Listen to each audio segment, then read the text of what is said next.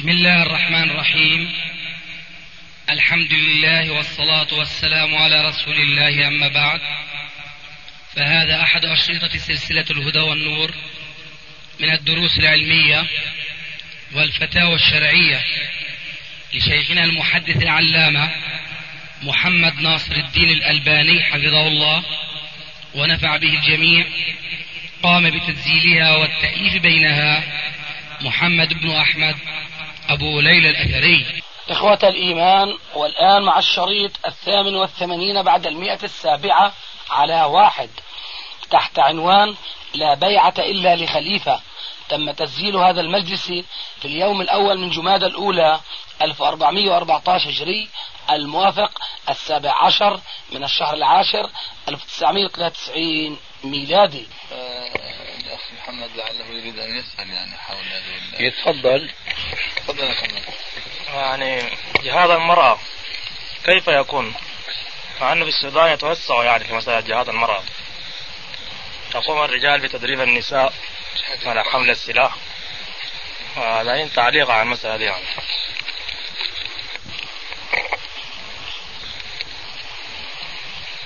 هناك باسم الإسلام وفي بعض البلاد باسم بأسماء أخرى يعني طبعا نعم. أنا ما في داعي له. والأخ يقول لأنه الآن في السودان باسم ال- الجهاد في سبيل الله يدربون النساء ويدربونهم كما يدربون الرجال الله أكبر على حمل السلاح وإطلاق النار ونحو ذلك من الأشياء وطبعا أظن الذين يقوم بتدريبهم الرجال أليس كذلك؟ الرجال هم الذين وماذا يلبسن يعني آه يا محمد؟ نعم ماذا يرتدين والله هو لباس كلباس الرجال يعني. كلباس الرجال؟ نعم ما أدري إذا كان الأخ السائل عنده فكرة سابقة حول التصفية والتربية. سمعت قرأت شيئا. نعم. إيه، مثل هذه الأمراض التي تنتشر وتزداد انتشارا يوما عن يوم هذه لا يسأل كيف معالجتها وإنما يؤكد لنا أن الطريق هو أن نظل سالكين في تحقيق التصفية والتربية. لأن معالجة هذه الأمراض هي كالطبيب الذي يعالج مرضا ظاهرا على بدن المريض ولا يعالج المرض من جذوره المتمكنة من قلب هذا المريض الذي يطفح على جسده أثر ذلك المرض الداخلي. ولذلك فمن الخطأ أن نشغل أنفسنا فيما لو كنا نستطيع. أن نعالج مثل هذه الأمراض الظاهرة. من الخطأ أن نشغل أنفسنا لمعالجتها أو في معالجتها لأن هذه المعالجة لا تكون معالجة شافية ما دام أن المرض لا يزال متمكنا في قلب المريض. وهذا أقول مع القيد الذي ذكرته. وهو إذا كنا مستطيعين معالجة هذا المرض الظاهر وهذا ليس في ملكنا ولا في طوخنا لأن الأمر في يد هؤلاء الحكام الذين انحرفوا عن الحكم بالكتاب والسنة انحرافا كثيرا أو قليلا كل بحسبه. ولذلك فليس علينا إلا أن نحقق قول ربنا تبارك وتعالى في كتابه مع ضميمة حديث النبي صلى الله عليه وسلم إليه أعني قول الله عز وجل يا أيها الذين آمنوا عليكم أنفسكم لا يضركم من ضل إذا اهتديتم مع استمرارنا على العمل بحديث الرسول عليه السلام الذي رواه أبو بكر الصديق حينما خطب في الصحابة وذكر ما معناه أنه قال إنكم لتتأولون هذه الآية بغير تأويلها ثم ذكر الحديث الذي يتضمن أن النبي صلى الله عليه وآله وسلم أمر المسلمين بأن يأمروا بالمعروف وأن ينهوا عن المنكر. بعد ذلك لا يضرنا من ضل إذا اهتدينا. إذا فنحن لا نستطيع أن نعالج هذه الأمراض لأنها صدرت ممن القوة بيده. لكن نستطيع أن نطبق الآية مع حديث الرسول عليه السلام وهو أن نستمر في الدعوة وبالتي هي أحسن. ذاكرين أن مراتب الأمر بالمعروف والنهي عن المنكر ليست مرتبة واحدة وإنما هي ثلاث مصرح بها في حديث أبي سعيد الخدري الذي رواه الإمام مسلم في صحيحه وهو الحمد لله معروف عند طلاب العلم جميعا. ألا وهو قوله صلى الله عليه وآله وسلم من رأى منكم منكرا فليغيره بيده فإن لم يستطع فبلسانه فإن لم يستطع فبقلبه وذلك أضعف الإيمان. أريد من تذكيري بهذا الحديث أننا حينما نقول لا نستطيع أن نعالج هذا النوع من المرض الذي ذكرته وأمثاله مع الأسف كثير وكثير جدا فنحن نقول آسفين أننا لا نستطيع أن نأمر بالمعروف في أكثر الأحيان من الدرجة العليا وهي تغيير المنكر باليد بل أصبحنا في زمن لا نستطيع أن نغير المنكر في كثير من الأحيان باللسان واضطررنا إلى أن نغيره بالقلب فقط لفساد الزمان. من هنا جاء فضل الآمرين بالمعروف والناهين عن المنكر في آخر الزمان الذين قال رسول الله صلى الله عليه وسلم في حقهم آه، لهم أجر خمسين قالوا منا أم منهم؟ قال منكم.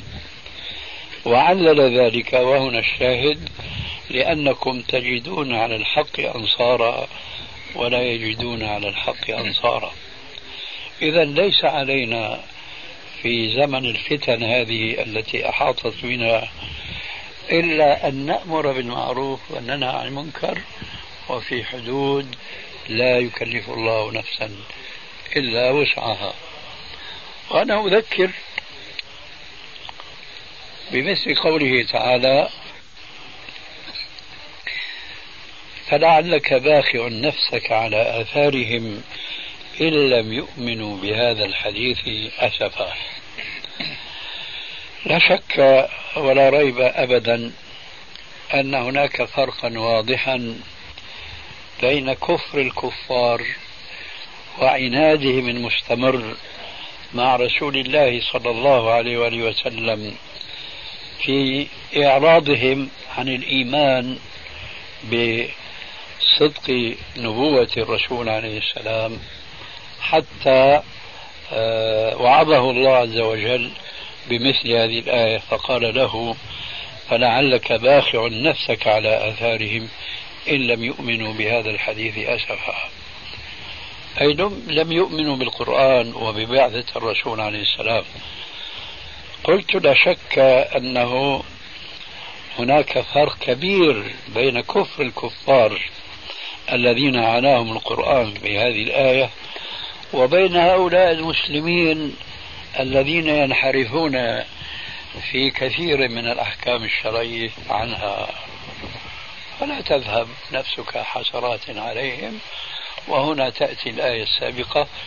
يا أيها الذين آمنوا عليكم أنفسكم لا يضركم من ضل إذا اهتديتم وبخاصة إذا كنا نحن نقوم بما نستطيع من تطبيق الأمر بالمعروف والنهي عن المنكر الذي ذكره أبو بكر الصديق رضي الله تعالى عنه خشية الاغترار والوقوف عند ظاهر الآية عليكم أنفسكم أي لا تأمروا بالمعروف ولا تنهوا عن المنكر. ليس هذا هو المقصود من الآية لكننا نصل إلى الحقيقة السابقة وخلاصتها أننا نأمر بالمعروف وننهى عن المنكر في حدود الاستطاعة ولا يضرنا بعد ذلك ضلال من ضل وابتعد عنا.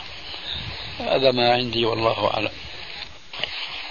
شيخنا تماما للكلام الطيب اللي تفضلت فيه بماذا تنصحون المسلم الذي يعني يحب أن يحافظ على ما عليه من دين وإيمان و يعني لابد أن هناك نصيحة نصح النبي صلى الله عليه وسلم بها أصحابه.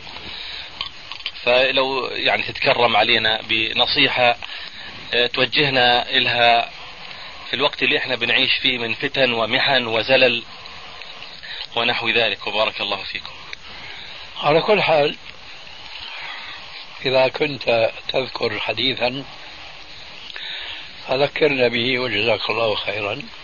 وإلا فما ذكرته آنفا من الآية وحديث أبي بكر كاف إن شاء الله كجواب عما سألت مع ضميمة أخرى وهي التي ندندن حولها دائما وأبدا وهي أن يستمر المسلم في طلب العلم النافع مقرونا بالعمل الصالح وأن يتذكر الحكمة التي وردت في بعض الأحاديث ولو أنها أحاديث ضعيفة من حيث إسنادها ولكنها من حيث دلالتها فيها حكم بالغة منها طوبى لمن شغله عيبه عن عيوب الناس.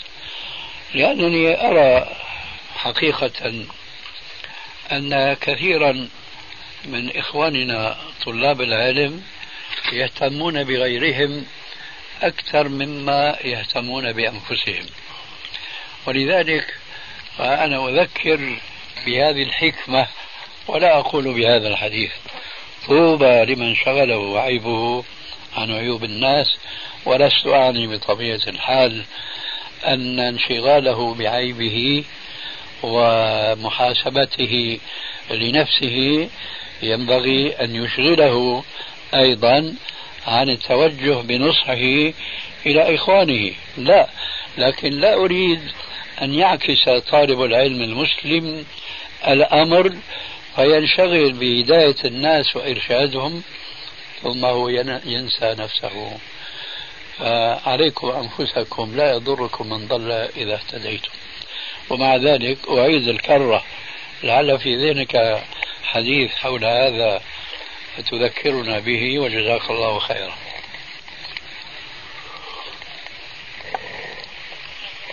الرسول عليه الصلاه والسلام لمعاذ نعم. وصية الرسول صلى الله عليه وسلم لمعاذ. وهي. اتق الله حيثما كنت.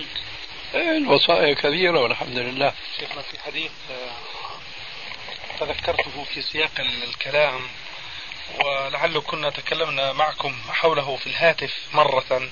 وهو حديث غريب وما نسمعه يتكرر في مجالس إخواننا كويس. السلفيين يعني على عظمته في المنهج والله الحمد. مم. حديث في مشكل أثار الطحاوي وفي معجم الطبراني الأوسط عن معاذ. قال قال رسول الله صلى الله عليه وسلم إنها ستكون فتن. قال قلنا وما المخرج منها يا رسول الله؟ فكرر الكلمة ذاتها. إنها ستكون فتن. قال قلنا وما المخرج منها يا رسول الله فكررها ثالثة ثم كرر معاذ السؤال ذاته. ثم كان رسول الله صلى الله عليه وسلم متكئا فجلس وقال ترجعون إلى أمركم الأول. الله أكبر. ترجعون إلى أمركم الأول. وهذا يؤكد القاعدة اللي دائما أستاذنا بكررها اللي هي التصفية والتربية. لا يمكن للأمة أن تخرج من الفتن إلا بالرجوع لأمرها الأول ولا يمكن في هذه الأيام أن ترجع لأمرها الأول دون المرور بالتصفية والتربية. أيوة. أليس كذلك يا أستاذنا؟ لا شك ولا ريب والحمد لله على هذه النصيحة. الله أكبر. ومن ذلك قول آه، أحد السلف وهو عبد الله بن مسعود رضي الله تعالى عنه الذي قال اتبعوا ولا تبتدعوا. فقد كفيتم عليكم بالأمر الأول. هذا مستقى من حديث الرسول عليه السلام. عليكم بالأمر الأول.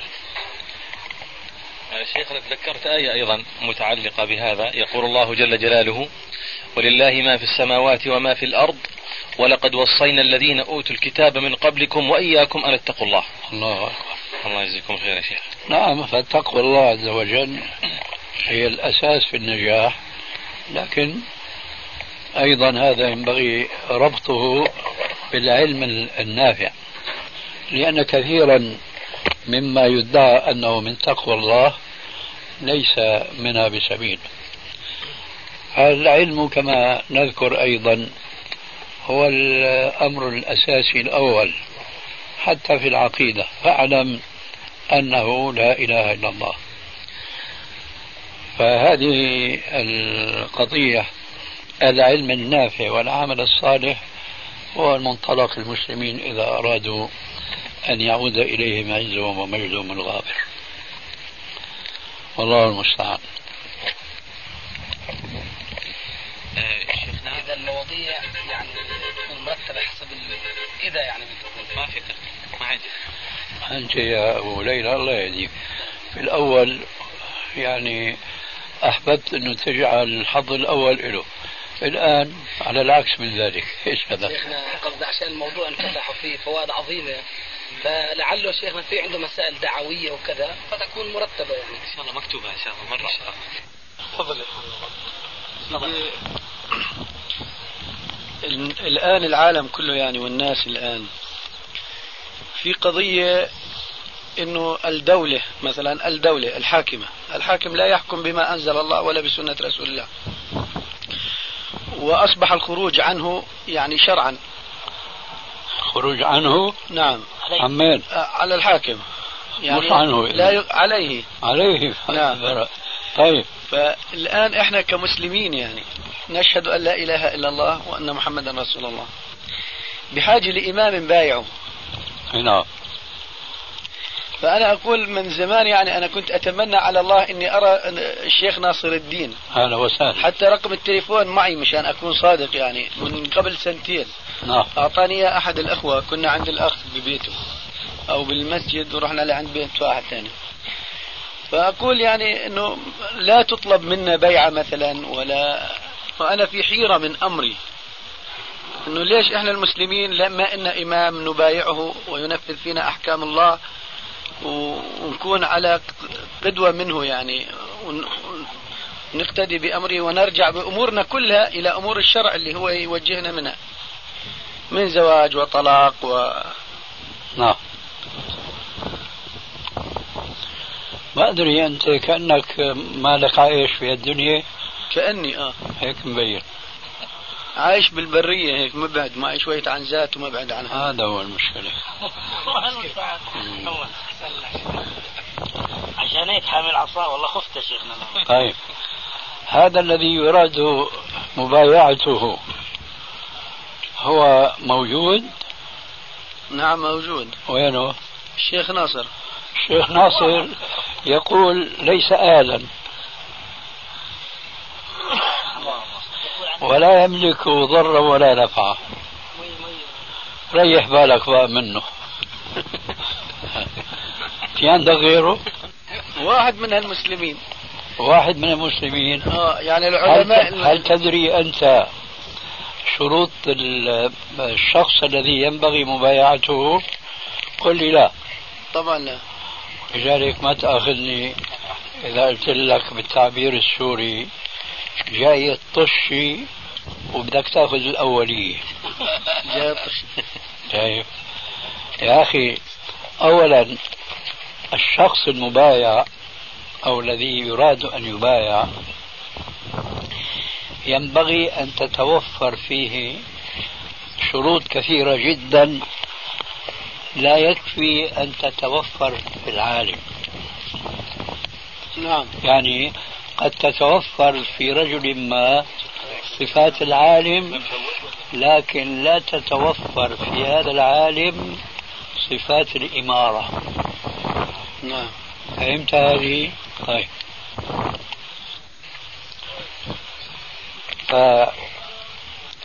فالشروط التي يجب أن تتوفر في المبايع أولها أن لا يرغب هو في البيع. نعم. أولها أن لا يرغب هو في البيع. ثانيها أن يكون عالما بالكتاب والسنة. وهذا لا يكفي. أن يكون بالإضافة إلى علمه أن يكون عاملا بعلمه. معروف عند المسلمين بذلك. وثالثا ورابعا وأشياء كثيرة وكثيرة أن يكون حازما ذا إرادة قوية بحيث أنه إذا أحيط به وبفتن لا يتزعزع ويتم ماضيا في سبيل الحق الذي نصب من أجل الدفاع عنه. هذا بعض الصفات التي يجب أن تتوفر في الشخص المبايع. الجانب الثاني الذين يريدون أن يبايعوه هل هم أشخاص من أقاربه من أصدقائه من إخوانه فقط أم هؤلاء ينبغي أن يكونوا من مختلف المسلمين من مختلف أجناسهم وطبقاتهم باستثناء الرعاء والعامة وبتخصيص أهل العلم والفضل. هم الذين يختارون ذلك الإمام ويفرضون عليه فرضا أن يكون هو الإمام.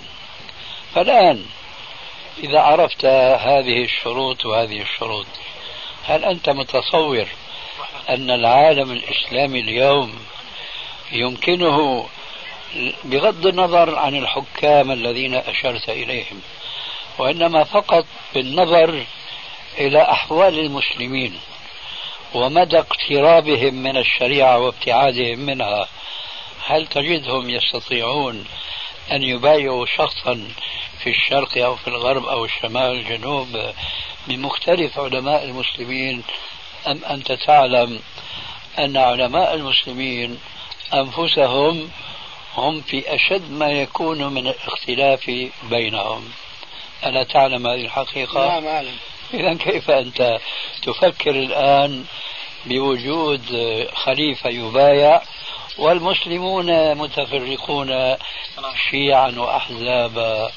وأنت لابد أنك سمعت آه، قليلا أو كثيرا أننا ندندن دائما حول قوله تعالى محذرين به ولا تكونوا من المشركين من الذين فرقوا دينهم وكانوا شيعا كل حزب بما لديهم فرحون. فإذا بارك الله فيك قبل ما تفكر بمبايعة شخص من علماء المسلمين فكر للطريقة التي يجب على هؤلاء المسلمين أن يسلكوها وأن يطرقوها لإزالة العثرات والعقبات التي تقف في طريقهم للوصول إلى مبايعة رجل من علماء المسلمين. هنا يجب أن تفكر.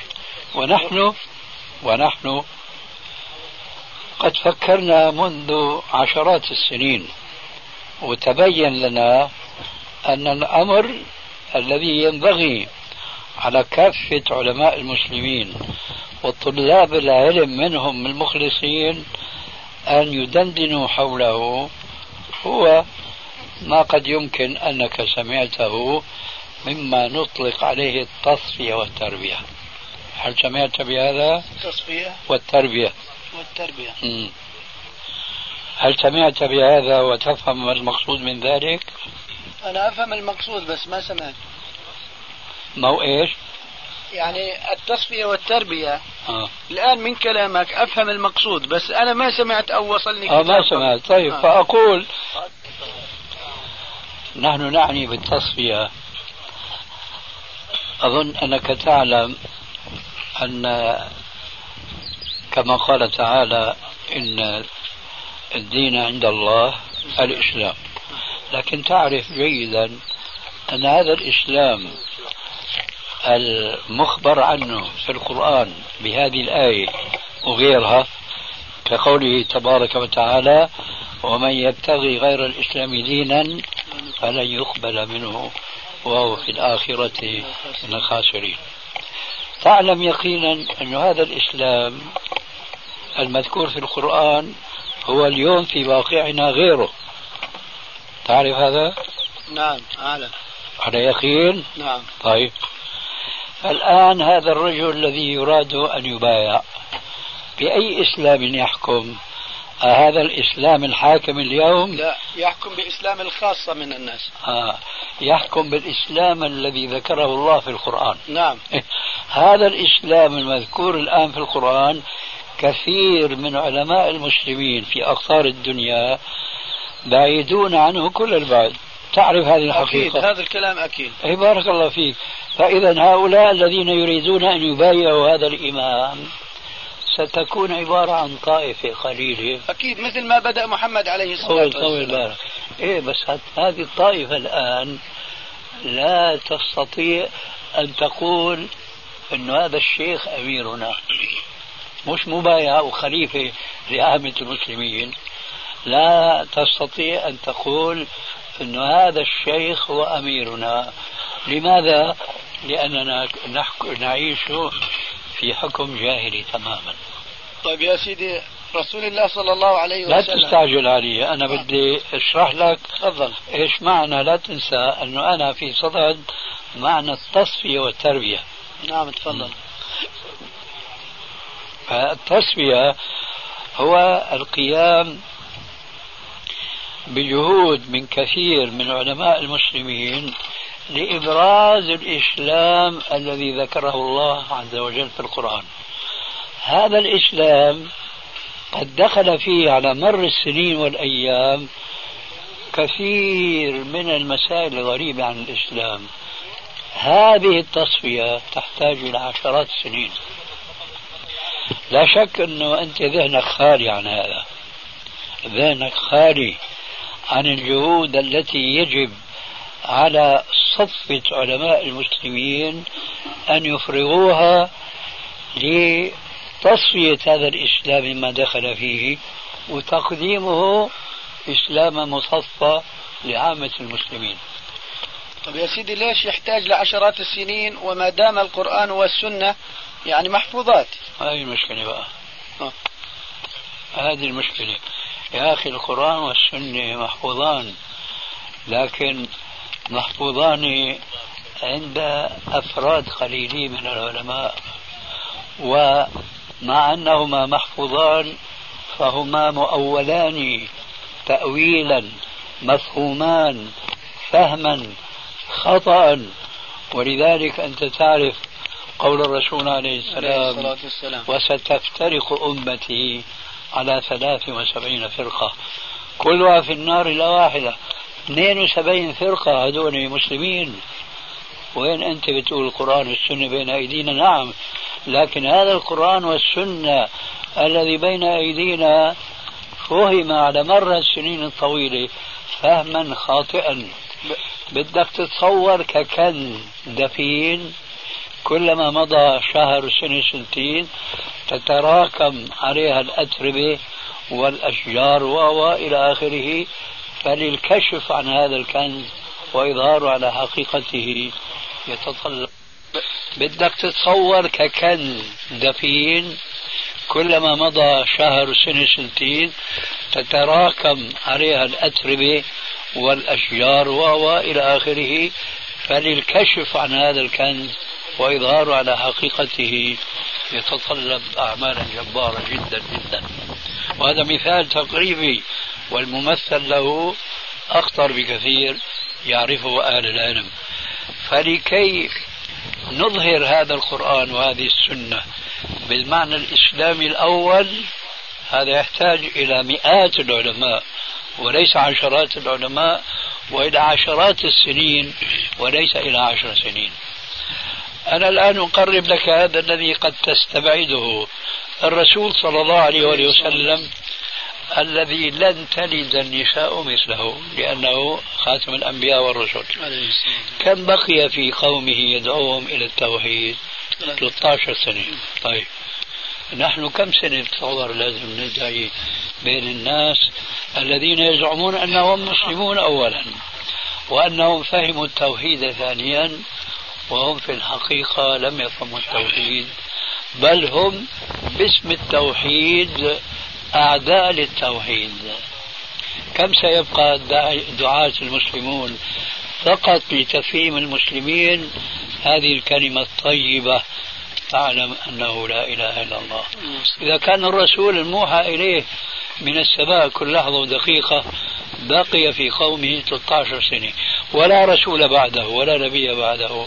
إذا تصور أن العبء الملقى على أكتاف العلماء في هذا الزمان أبا ثقيل وثقيل جدا ولا يمكن أن تصور أنه يقام في البرهة التي استطاع الرسول عليه السلام أن يلملم وأن يجمع حوله أفرادا قليلين في 13 سنة. وأنا أقول لإخواننا في مثل هذه المناسبة أخونا أبو مالك تعرفه جيدا. نعم. وما أدري تصلي عنده يوم الجمعة؟ لا أصلي عنده قليلا هيك. قليلا. نعم. صليت في يوم جمعة عنده؟ لا. ما. اللي بيصلوا عنده بيسمعوا كل يوم جمعة. قبل ما يكبر تكبيرة صلاة الجمعة بنبه المصلين لا تسبقوني بآمين. لا تسبقوني بآمين. ومع ذلك يسبقونه. هم يسبقونه بآمين. شو معنى هذا؟ معنى هذا أن تربية الناس من أصعب الأمور. ووصلوا سنين في هذا المسجد بالكاد أنه أفراد ممن يلازمونه وينتبهون لتذكيره استطاعوا أنه يجاوبوا معه فقط في تصحيح إيش؟ آمين. آمين. فما بالك تصحيح العقيدة تصحيح السلوك تصحيح هم عامة الناس لما بيسمعوا كلمة ولا الضالين يعتقدون أنهم يردون عليه. آمين. يعني هم بردوا خلفوا لا هم يعني لا يعتقدون بها مناجاة الله. اللهم استجب. ولو إنهم يعني تفهيم الناس هون مثل ما قلت تفضلت أنت يعني بده جهد جبار بده إيه؟ شيء عظيم. عرفت فاستقم. نضرب لك مثال. بس أنا بقرأ قول الله سبحانه وتعالى ولكم في رسول الله أسوة حسنة لمن كان يرجو الله واليوم الآخر. لقد كان لكم. نعم لقد كان لكم في رسول الله. هاي. أسوة حسنة لمن كان يرجو الله واليوم الآخر. يعني هذا القرآن ما بينبهنا على إنه إحنا يعني ما نقول عشرات السنين وكذا ونستعظم الأمر أكثر. يعني الذي الذي خرج بمحمد عليه الصلاة والسلام من مكة هو الله سبحانه وتعالى وأيد محمد بنصره وهو الذي يعني أنار نور محمد عليه الصلاة والسلام. يعني ما هو قادر أنه, إنه الله سبحانه وتعالى ينهض بنا كذلك. أنت انحرفت عن الموضوع. وهذه مشكلة من المشاكل. نحن عم نحكي عنا نحن المنحرفين. مش عم نتكلم عن قدرة رب العالمين هو يستطيع ولا لا يستطيع؟ أنت عم تسأل سؤال هل تظن أحدا يخالفك في الجواب؟ هل تظن أنه أحدا يقول لا الله عاجز لا حاشا إذا عم تسأل عن شيء كما لو سألت الآن الشمس طالعة ولا غاربة. لا الشمس طالعة لكن عم نسأل نحن شو نسوي تحت هذه الشمس؟ ماذا الذي ينبغي أن نعمل؟ فنحن عم نتكلم عنا نحن وقدرتنا وطاقتنا وظروفنا وليس عن قدرة ربنا القادر على كل شيء. وهو كما قال إنما أمره إذا أراد شيئا أن يقول له كن فيكون. لكن سبحان الله لماذا أنت تتساءل سؤالا تعرف جوابه أنك ستوافق عليه ولا تخالف من مسلم مهما كان جاهلا وبعيدا عن ولا تتساءل إيش معنى قوله تعالى إن تنصروا الله ينصركم. إيش معنى إن تنصروا الله ينصركم؟ يعني إذا بتلتزموا أوامر الله وطاعته طيب ينصركم. فهل المسلمون اليوم التزموا طاعة الله؟ إحنا بنتساءل عن المجتمع اللي لا تحد لا تحد. إحنا ما إنا بعامة الناس إحنا إنا بالناس اللي حولنا يا شيخ الله يهديك. إن تنصروا خطاب لمين؟ آه ما لكم لا تنطقون. إن تنصروا الله الخطاب للمؤمنين. طيب وأنا أقول هل ترى أنت المؤمنين قائمين بهذا الشرط؟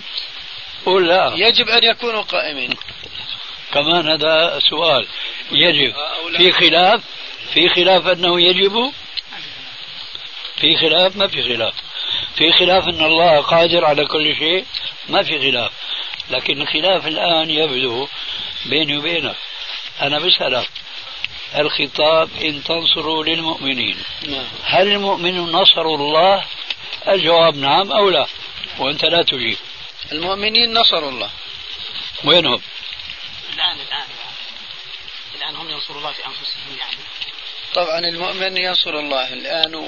أمة كأمة. يا شيخ الله يهديك. هؤلاء المخاطبون. إن تنصروا الله ينصركم. هؤلاء المخاطبون قاموا بنصر الله. أنت سمحك الله يعني كما قيل من عرف نفسه فقد عرف ربه. راح تنقط ونكسر النقط بعدين. خليه يرجع على من معه. لا كريم أبو أحمد. إيه لكن مو على الأرض على الفم. بسم الله.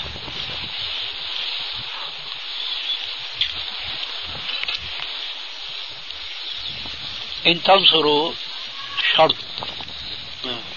جوابه وجزاؤه ينصركم. أنت لازم يكون جوابك فورا على سؤالي هل المسلمون المؤمنون مخاطبون بهذه الآية؟ نصروا الله لازم يكون جوابك فورا لا. مش طول بلا كما قلت آنفا لأنه سيأتيك الاعتراض الذي لا مرد لك له منك له وهو إذا كان هم نصروا الله فلماذا ربنا لا ينصرهم؟ فهمت الآن؟ إذا هل معنى ذلك أن الله أخلف وعده؟ الجواب لا. إذا اعكس تصب. قل ما نصروا الله لذلك ما نصرهم الله. مش تقول نعم المؤمنون نصروا الله. لو كان الأمر كذلك كان الله نصرهم. كما نصر محمد صلى الله عليه وسلم وأصحابه. هذا هو. نصروا الله فنصرهم. آه. الدنيا كلها وفساد البشر. ولذلك أنا قلت لك كأنك عايش ما لك عايش في الجو. وقلت إنك عايش مع الغنمات والمعدايات وإلى آخره. أي كأنك نعم. كسبانه كسبانه كأنك ما لك عارف المجتمع الذي أنت عايش فيه. وباختصار أنهم لم ينصروا الله. بل يحاربون الله الله أكبر. الله أكبر. بل يحاربون. لذلك أنا نصيحتي لك يا أخ الإسلام وبماذا تكنى بهذه المناسبة؟ أبا محمد. ها؟ أبا محمد. أبو محمد؟ عليه الصلاة والسلام. عليه الصلاة والسلام. فأنت يا أبو محمد نصيحتي لك أنه ما تمسك السلم بالعرض وتمشي. وإنما حاول قبل كل شيء أن تتعلم العلم النافع وتقرن هذا العلم النافع بالعمل الصالح وتمشي سويا على صراط مستقيم وما يهمك بقى الدنيا هذه خربت عمرت المهم أنت. وهنا يعود بحثي السابق حول قوله تعالى يا أيها الذين آمنوا عليكم أنفسكم لا يضركم من ضل إذا اهتديتم بضميمة حديث أبي بكر الصديق. ومن الواجب عليك أول شيء أن تتقن قراءة القرآن. وتحفظه. وإذا ما حفظته ما تتكلم القرآن تحرفه. عما أنزله الله عز وجل. وبعدين تمضي قدما على أن تزداد كل يوم علما.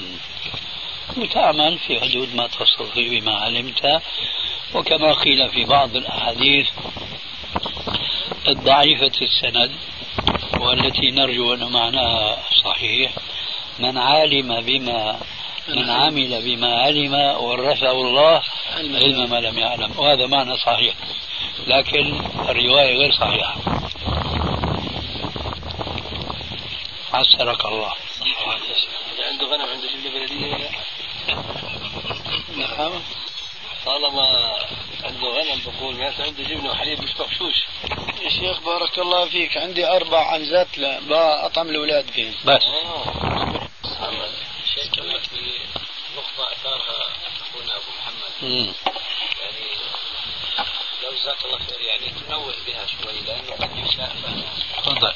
أخونا قال أنه الآن يعني نحكم يحكمون بغير ما أنزل الله والخروج عليهم شرعا.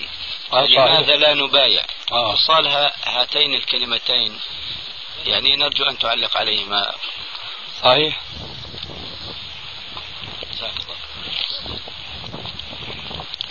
الخروج على الحكام.